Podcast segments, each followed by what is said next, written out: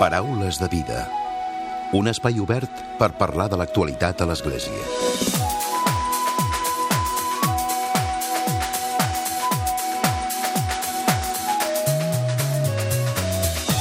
Què tal? Salutacions i molt bon dia, molt bon diumenge. Avui el nostre convidat és el sacerdot i escriptor Pablo Dors, que acaba de publicar el primer volum de la seva quarta trilogia, una novel·la que té per títol Entusiasmo a Galàxia Gutenberg. Es tracta d'un viatge allò tan interessant com és la iniciació a la vida. És una novel·la que veu i que s'inspira de la tradició centroeuropea. El protagonista pot ser el mateix Pablo Dors. De fet, és un recull de tot allò que és i que pot ser en aquest ja consagrat escriptor escriptor. Ell mateix diu que escriu novel·la per trobar-se a si mateix, per fer un viatge a l'interior de l'ànima. A la presentació feta a Madrid fa uns mesos, al mes d'octubre, va omplir de gom a gom la sala amb molts dels seus seguidors. Pablo Dors, que també ha fet la presentació aquí a Barcelona, ha escrit, entre altres, biografia, biografia del silencio. Entusiasmo, Pablo Dors ens parla d'esperança en el destí dels humans, però també de pietat. Avui visita Barcelona i ens acompanya als estudis de Catalunya Ràdio. De seguida el saludem.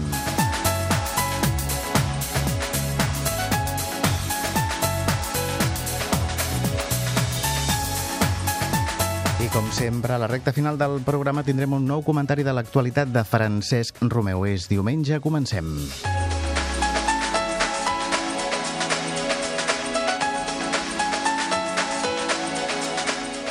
Pablo, bon dia y benvingut al Paraules de Vida. Bienvenido. Buenos días, pues un placer estar con vosotros. Muchas gracias. Entusiasmo, ¿eso es lo que nos hace falta a todos?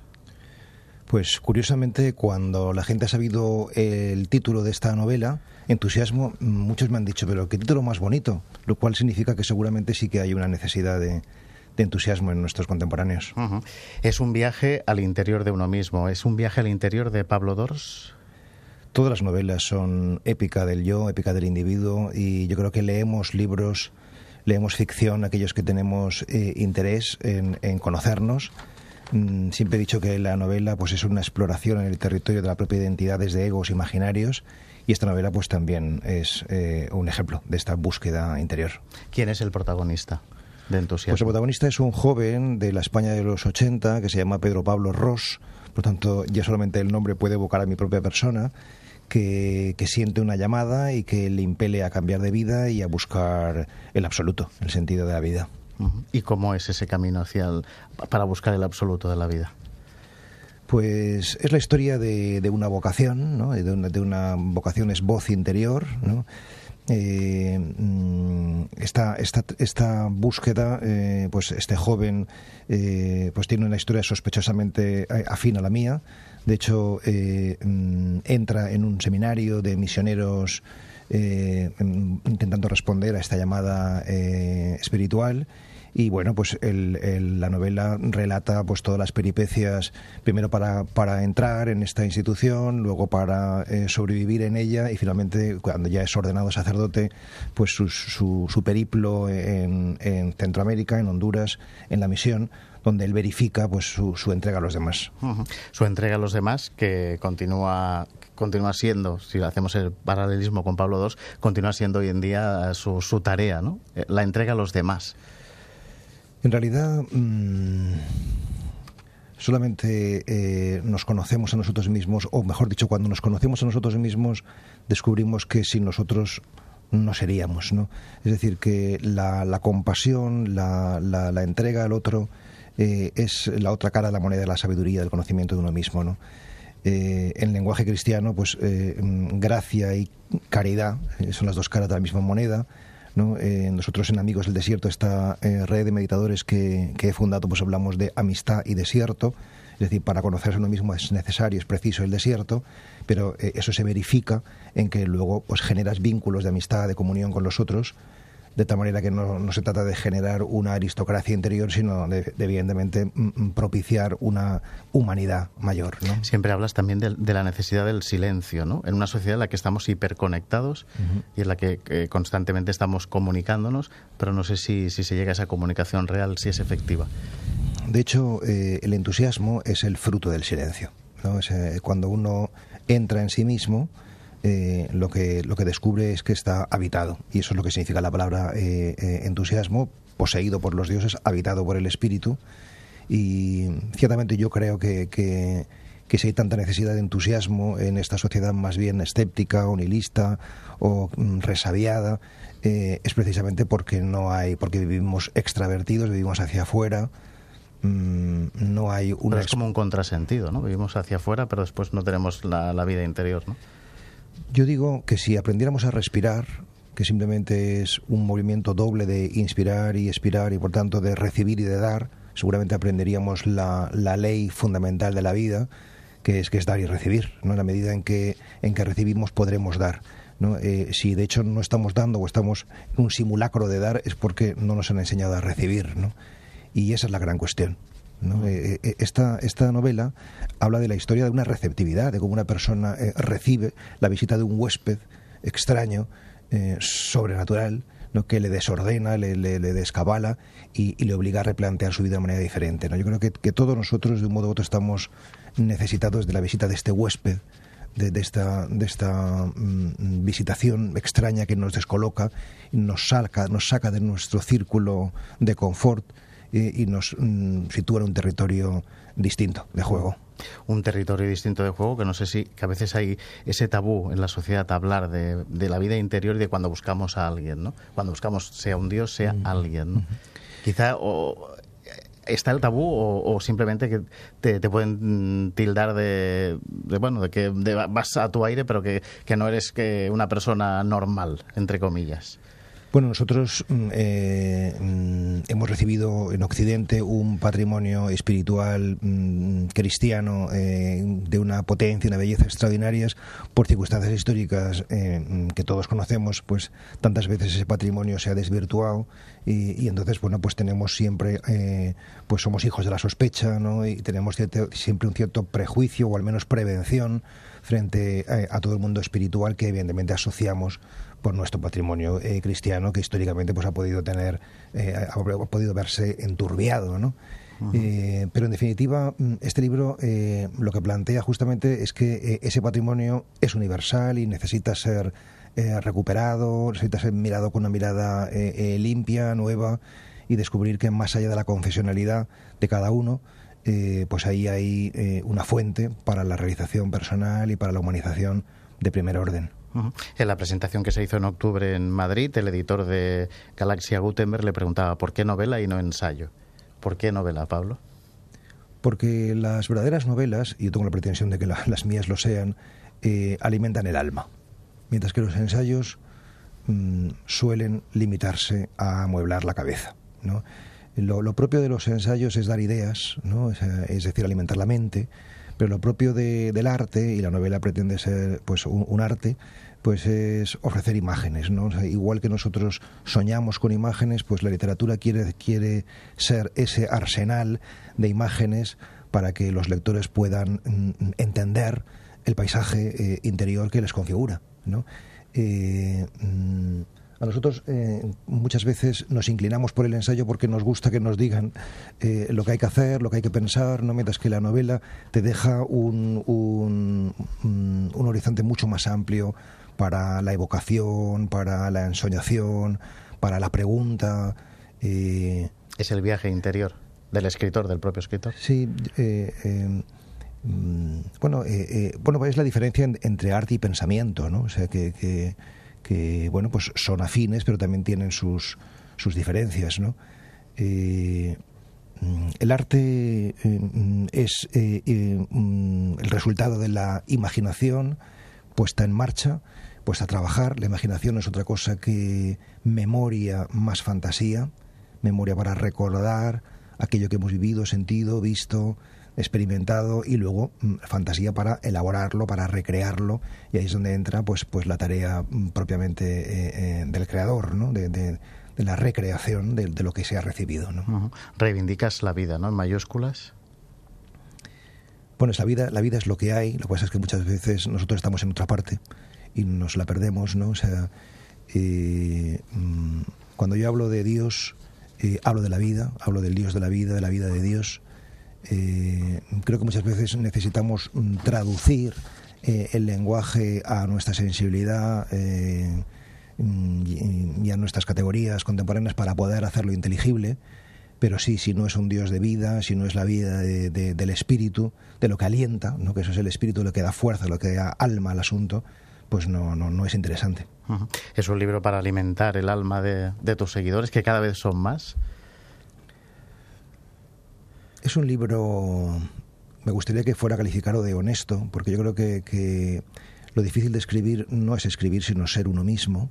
¿no? Entonces yo creo que no, no está escrito para, para, para la gente que, que, mm, sigue eh, mm, Amigos del Desierto, o, está escrito para todos aquellos que tengan interés en la literatura, interés en la exploración de, de, esto que llamamos ser humano. Y, y ahí está, es como un, libro, es como una botella que, que, uno arroja al océano para que algún náufrago se la encuentre y bueno, yo tengo la fortuna de, tener muchos amigos náufragos. Es el, decíamos en la presentación, el primero de la cuarta trilogía. Sí. Eh, Ahora para hablar del entusiasmo. Sí. Mm, realmente eh, hace, no sé, un par de años o más o menos, eh, me di cuenta de que todos los libros que había escrito respondían a un itinerario que configuraban una, una, construcción, una edificación, un todo, ¿no? y me di cuenta de que efectivamente respondían a, pues a mi propia búsqueda personal. Entonces entendí que, que, sí que se podían agrupar mm, de manera bastante lógica y coherente en trilogías. En la primera el fracaso, la segunda la ilusión, tercera el silencio. Y bueno, el silencio, como he apuntado antes, pues deriva en, en, el entusiasmo, ¿no? Y eso es en lo que estoy en este mismo momento, quizás porque mi propio momento es un momento de gran vitalismo y, y bueno, pues uno tiene que escribir sobre lo que vive para vivirlo más intensamente. Anteriormente también has hablado del fracaso, ¿no? Sí, esta es la primera... La primera trilogía eh, aborda esto, esto del fracaso, ¿no? Es decir, tocar tierra, confrontarte con, con, con la crisis, con el problema, con la oscuridad, porque bueno el primer conflicto siempre eh, a, partir de ahí empieza todo no hasta entonces pues vivimos en una especie de nube que no, no tiene particular interés y es cuando empieza el, conflicto cuando eh, bueno pues eh, se nos pide una respuesta no entendemos que la vida es una provocación y que nuestra existencia es una respuesta y eso es lo que es cuando hay que reaccionar. es interesante para, para contar sí. Eh, ahora has hecho esta semana pasada la presentación aquí en, en, Barcelona también. Supongo que el público cada vez va creciendo y va teniendo más interés, ¿no? Por Pablo Dors, por la faceta de escritor de Pablo Dors. Pues a mí lo que me interesa sobre todo eh, es el éxito existencial, ¿no? O sea, más que eh, numérico comercial, que desde luego no desdeño, faltaría más, ¿no? Pero, pero el hecho de, mm, de que haya muchas personas que encuentran alimento en mis libros eh, o en mis conferencias, ¿no? Para, para, para mm, llevar su vida adelante, ¿no? El hecho de que mucha gente te diga, tengo su libro en la mesita de noche eh, y, me, ayuda a, ver la vida de otra manera, esto es algo mm, que, que, me da mucha fuerza, me da mucha fuerza, ¿no? y para mí revela pues que existe una sed en, en nuestros contemporáneos, como decía poco antes, de, un sentido y de una forma de ver las cosas eh, diferente, ¿no? O sea, no diría simplemente positiva, eh, sino diría luminosa, ¿no? Es decir, que yo creo que, que, durante mucho tiempo eh, en la cultura en general y en la novela en particular, la luz no ha tenido prestigio ha tenido prestigio la oscuridad, ¿no? Es decir, que los libros tenían que ser complejos y duros y crudos y, y despiadados y, y, bueno, pues escribir libros eh, eh, eh, luminosos o pues parecía algo kitsch o algo ingenuo, ¿no? Que no, bueno, pues que pobrecillo que no se da cuenta de lo que es la realidad, ¿no? O sea, cómo hablar mm, con credibilidad de la luz, es decir, no sorteando la sombra, sino atravesándola. Eso es lo creo lo que tiene que hacer un narrador, que es hacer justicia narrativa, ¿no? a lo que hay, ¿no? Y lo que hay no son solamente bofetadas, también hay caricias, también hay tantas cosas hermosas que, hay que contar. De hecho, en la presentación del libro también se le acercó gente, ¿no? Se, acercó gente eh, agradeciendo la lectura y lo que le había ayudado a leer a Pablo Dors. A mí hay muchos lectores que me dicen cosas preciosas que solamente con todo lo que me dicen ya se podría escribir eh, mm, cómo la vida es infinitamente eh, agradecida y te retorna cien veces más de lo que tú das si, si, si actúas con desinterés y con gratuidad. Ahora, aprovechando que nos acompaña, hablemos también de Amigos del Desierto, de Amigos del Desert, que también hay mucha gente en Cataluña que, que sigue, ¿verdad? La red de meditación y de, búsqueda del silencio. Sí. Amigos del Desierto responde a una necesidad de, silencio que hay en nuestra sociedad contemporánea, también de, silenciamiento interior, ¿no? Eh, la meditación está de moda y la propuesta de Amigos del Desierto es eh, esa búsqueda desde una cepa determinada, que es la cepa de los padres y madres del desierto, eh, por tanto es de la cepa eh, eh, cristiana, porque nosotros oh, escuchamos meditación y enseguida asociamos con el mundo del, budismo, el mundo del zen o del yoga, pero también en Occidente ha habido una tradición de conocimiento silencioso que ha sido más bien marginal o, al menos anecdótica, ¿no? Y bueno, nosotros modesta pero rotundamente queremos ponerla mm, mm, de relieve, sí, en valor exacto, ¿no?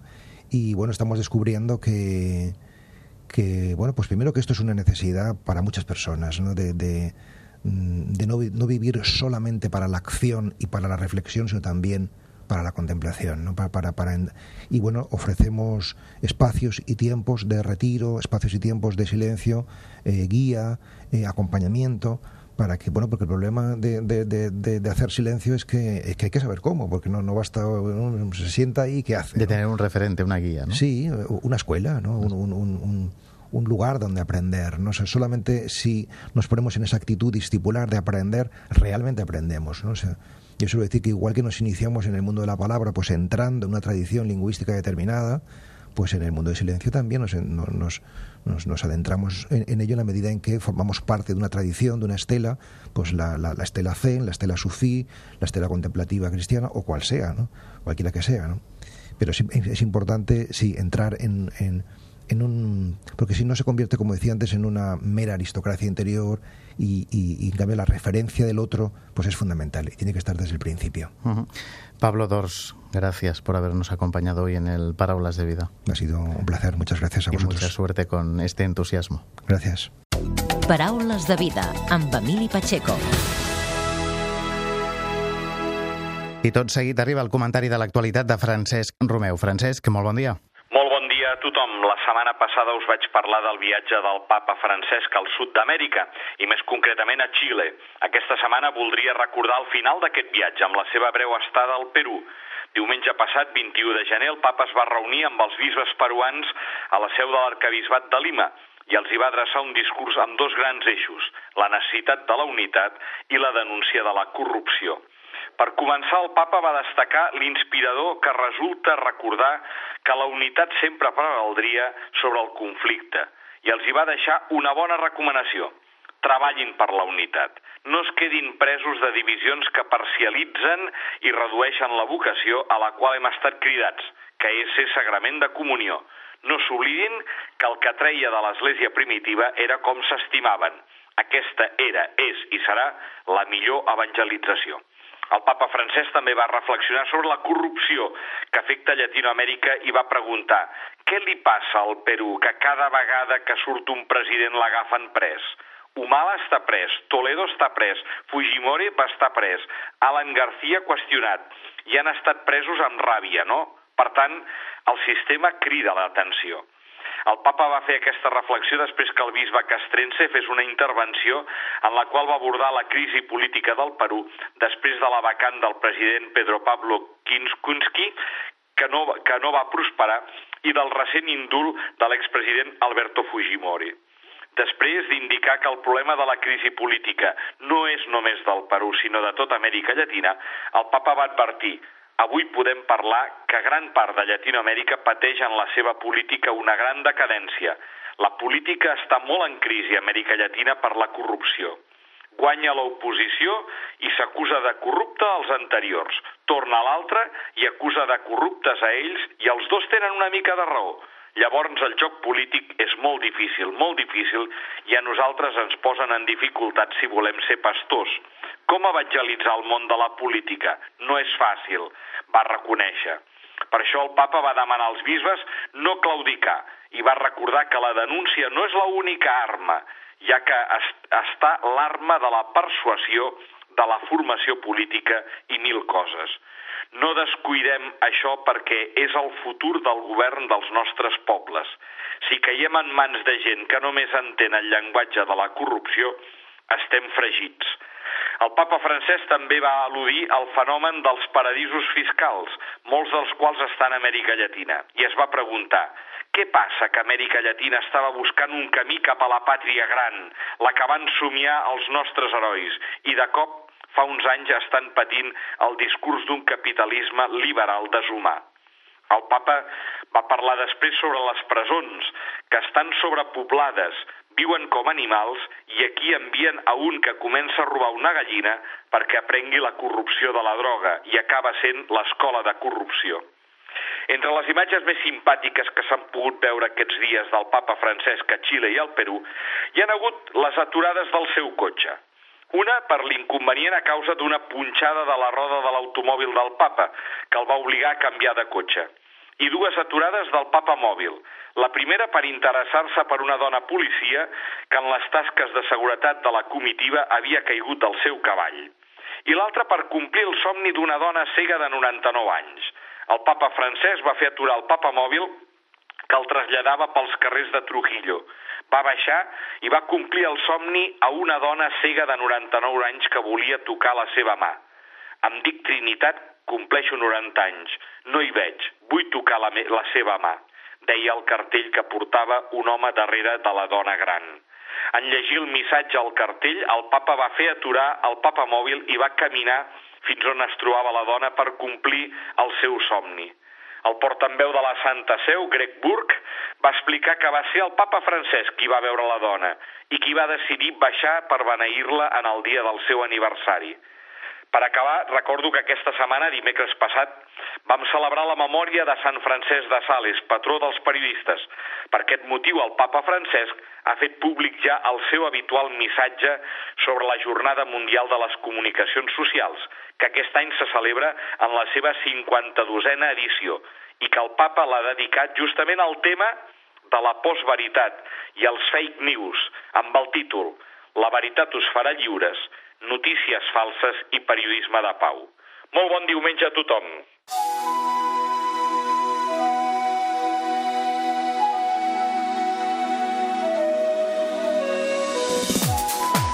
Fins aquí el Paraules de Vida d'aquesta setmana. En Lluís Alonso ha estat el control tècnic i qui us ha parlat l'Emili Pacheco. Que passeu bon diumenge i una molt bona setmana.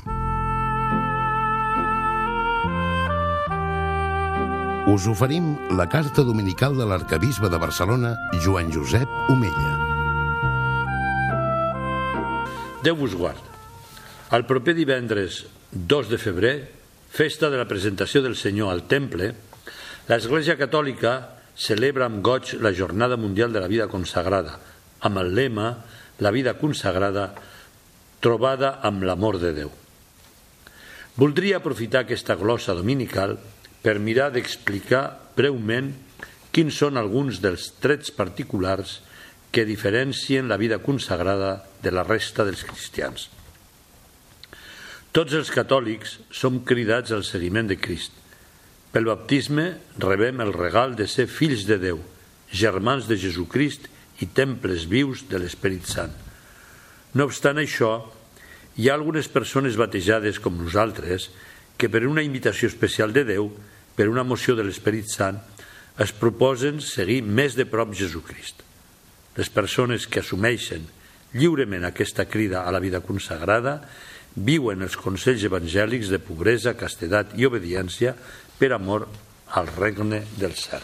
S'anomenen consells evangèlics perquè van ser predicats per Crist i són una invitació per seguir més de prop el camí que ell va recórrer en la seva vida. Si bé tots els catòlics estem cridats a viure aquests tres consells, la persona consagrada ho fa com una manera de viure una consagració més íntima a Déu, motivada sempre per donar més glòria a Déu. El consagrat ha tingut una trobada particular amb Jesús que l'ha convidat a donar-li tot, a consagrar-s'hi i per ell amb ell i en ell a tota la humanitat. No podem deixar de donar les gràcies a Déu per continuar cridant moltes persones en aquest camí de la vida consagrada i pel testimoni de tants homes i dones que viuen amb radicalitat la seva consagració. Per aquest motiu, el divendres 2 de febrer celebrarem a la Catedral de Barcelona a les 7 del vespre una Eucaristia per agrair a Déu el do de la vida consagrada i per pregar per tots els consagrats i les consagrades de la nostra diòcesi. Convido a tothom qui pugui a participar a aquesta celebració tan preciosa. Com que enguany també celebrem el vuitè centenari de la Fundació de l'Ordre de la Mercè, voldria tenir present avui Santa Maria de Cervelló, que podem anomenar amb justícia la primera mercedària. De família noble, Maria de Cervelló va néixer a Barcelona l'any 1230 i va ser batejada a la parròquia de Santa Maria del Mar. Era molt agraciada i els historiadors ens diuen que en la seva joventut no li van faltar pretendents, però ella, educada en la fe, va decidir consagrar-se al Senyor. I el camí que va trobar va ser vincular-se al neixent ordre de la Mercè. L'any 1260 va morir el seu pare, Guillem de Cervelló, i després d'haver venut el palau de la família es va traslladar amb la seva mare Maria a una casa modesta del carrer Ample, a la vora de l'església de la Mercè, i des d'allí va ser l'ànima femenina de l'ordre mercedari.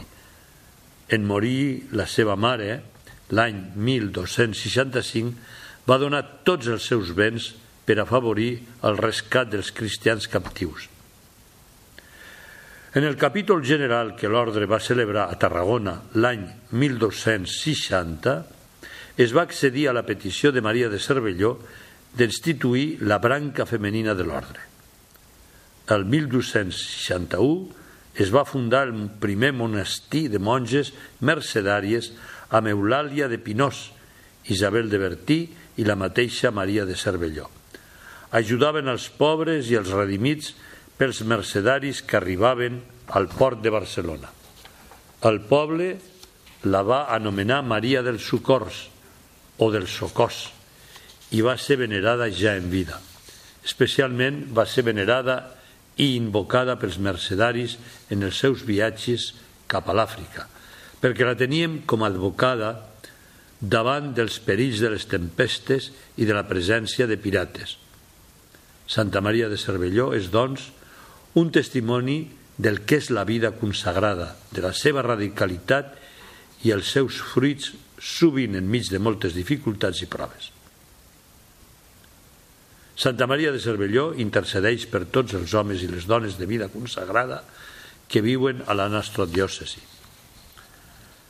Amb motiu de la jornada del 2 de febrer, desitjo expressar una paraula de reconeixement i també d'encoratjament a tots els religiosos i religioses perquè a través de les seves obres i del seu testimoniatge són un gran factor de concòrdia, de cohesió social. En les darreres cartes dominicals he insistit en la concòrdia com un objectiu prioritari d'aquest moment. Els religiosos i religioses treballeu en àmbits socials molt diversos per fer realitat a la nostra terra allò que va dir el Concili Vaticà II, que el seguiment radical de Crist en la vida religiosa promou aduc en la societat temporal un estil de vida més humà. Benvolguts religiosos i religioses, gràcies pel vostre treball i pel vostre testimoniatge. Que Déu us beneixi a tots.